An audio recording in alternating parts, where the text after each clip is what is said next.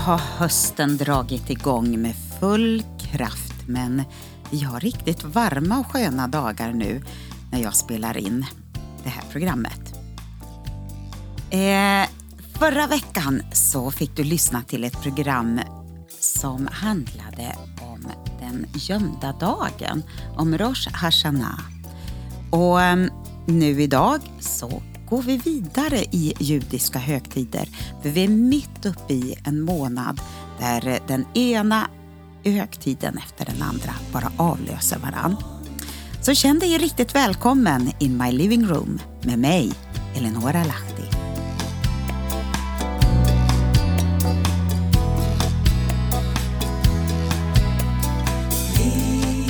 Ja, så ska jag plocka fram ett ett eh, blogginlägg som jag skrev härom året och det heter Dagen ansikte mot ansikte. Det är precis som en repetition inför den riktiga föreställningen, år efter år. Och vi är i slutet av hela berättelsen om vi vill kan vi kliva in i repetitionen eller så avvaktar vi och kliver in i händelseförloppet när det händer. Det handlar om dagen Jom Kippur, den stora dagen och den viktigaste.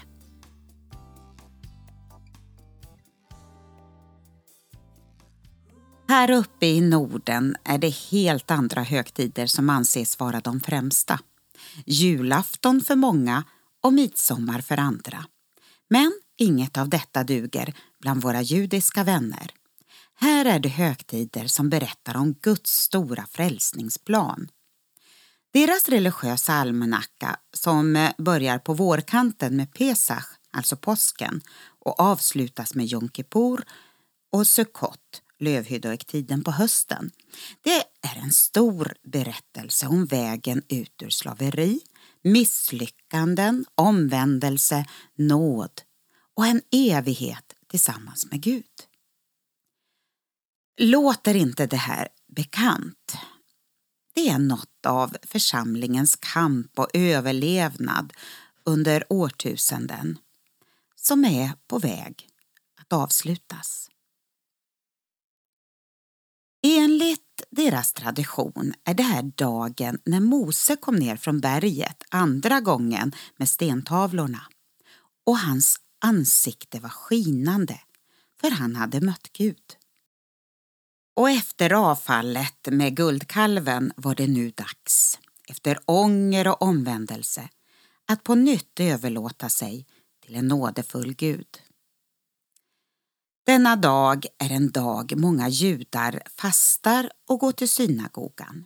Inga bilar är ute och kör och barnen cyklar för fullt mitt ute på de stora vägarna i Israel, vilket vi fick erfara när vi bodde där. I synagogan så läser man Jona bok och hur han flydde bort från Herrens ansikte. Jona budskap var att om 40 dagar skulle ödeläggelsen komma över Nineve om de inte omvände sig. Världens äldsta missionsskrift om en räddningsaktion för hedningar. Och judarna börjar sin process av omvändelse och förlåtelse 40 dagar innan Jom Kippur vid första Elul. Och det berättade jag lite grann om i en tidigare inlägg. Under den tid templet fanns fick översteprästerna ta av sig sin fina klädnad för att ta på sig en enkel vit dräkt. Man offrade och bekände sina egna och folkets synder. Och det var enda tillfället under året han fick uttala Guds namn, Jahve. Ja, än idag vet man inte med säkerhet hur det uttalas. Där inne i det allra heligaste mötte han Gud ansikte mot ansikte.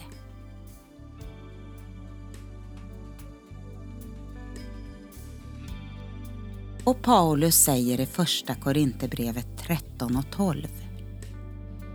Nu ser jag en gåtfull spegel, men då ska vi se ansikte mot ansikte. Vår överste präst Jesus antog mänsklig gestalt, ödmjukade sig och offrade sitt oskyldiga blod. Kristus gick inte in i helgedomen som är gjord med händer och som bara är en bild av den verkliga helgedomen. Han gick in i själva himlen för att nu träda fram inför Guds ansikte för vår skull. Hebreerbrevet 9 och vers 24. Ett märkligt offer och ritual gjorde man också vid detta tillfälle varje år. En bock offrades och en annan, syndofferbocken, skickade man ut i öknen med en röd ulltråd knuten runt ena hornet. Samtidigt fästes en likadan tråd vid tempelporten. När syndoffersbocken dog i öknen så hände något märkligt. Tråden vid porten ändrade färg och blev vit. Det var ett tecken på att synden var sonad. Och det finns berättat i en judisk historisk skrift om det här. Jesaja 1 och 18 säger om era synder än är blodröda ska de bli snövita. Om de än är röda som scharlakan ska de bli vita som ull.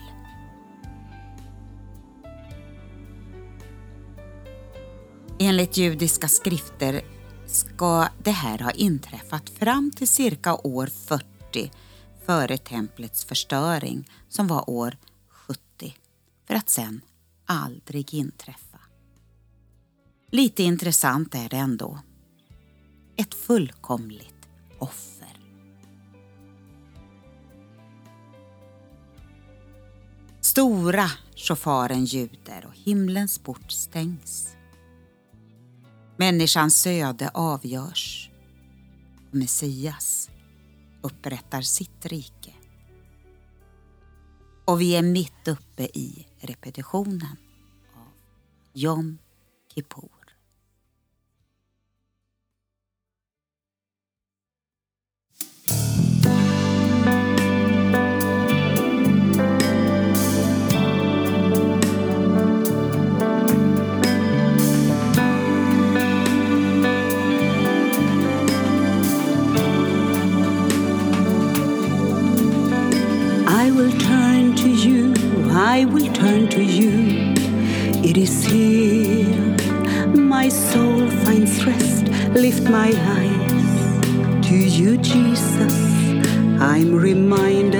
Who you are.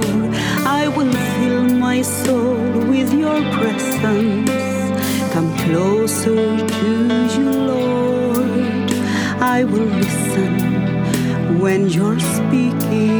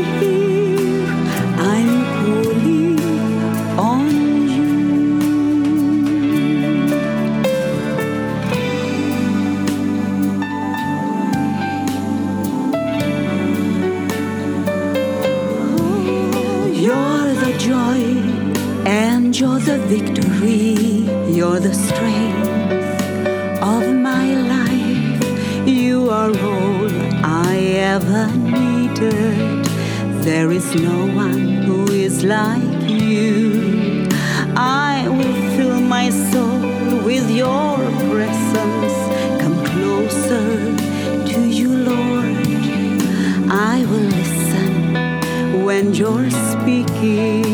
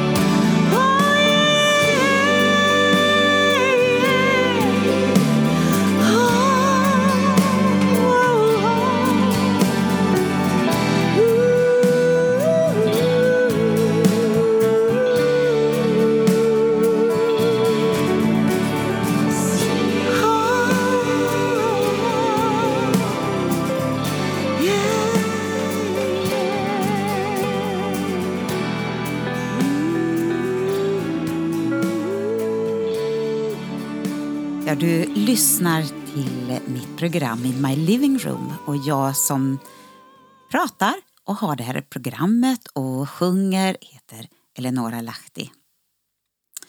Den här sången Seek My Presence eller Sök mitt ansikte som den också heter på svenska. Den har ju hängt med under hela den här programserien som lite bakgrundsmusik till bibelorden som jag läser. Men nu idag fick du höra hela sången. En annan gång kanske vi tar den svenska texten. Idag blev det den engelska. Att söka Guds ansikte, att söka hans närvaro, det är ju Guds längtan för oss som hans barn. Att eh, vi ska sträcka oss efter mera utav honom och inte vara så upptagen med allt annat utan att vi tar oss tid att söka honom också. Att sätta oss ner, få lite lugn och ro, läsa Guds ord, samtala med honom och lyssna in. Vad säger Gud till mig idag? Och idag så bara avslutar vi här och du får tänka till lite granna. Hur ska jag göra? Vad är mitt eh, sätt att söka Gud? Har jag gjort det idag? Kanske jag ska ta mig tid just nu, här och nu. Varför inte?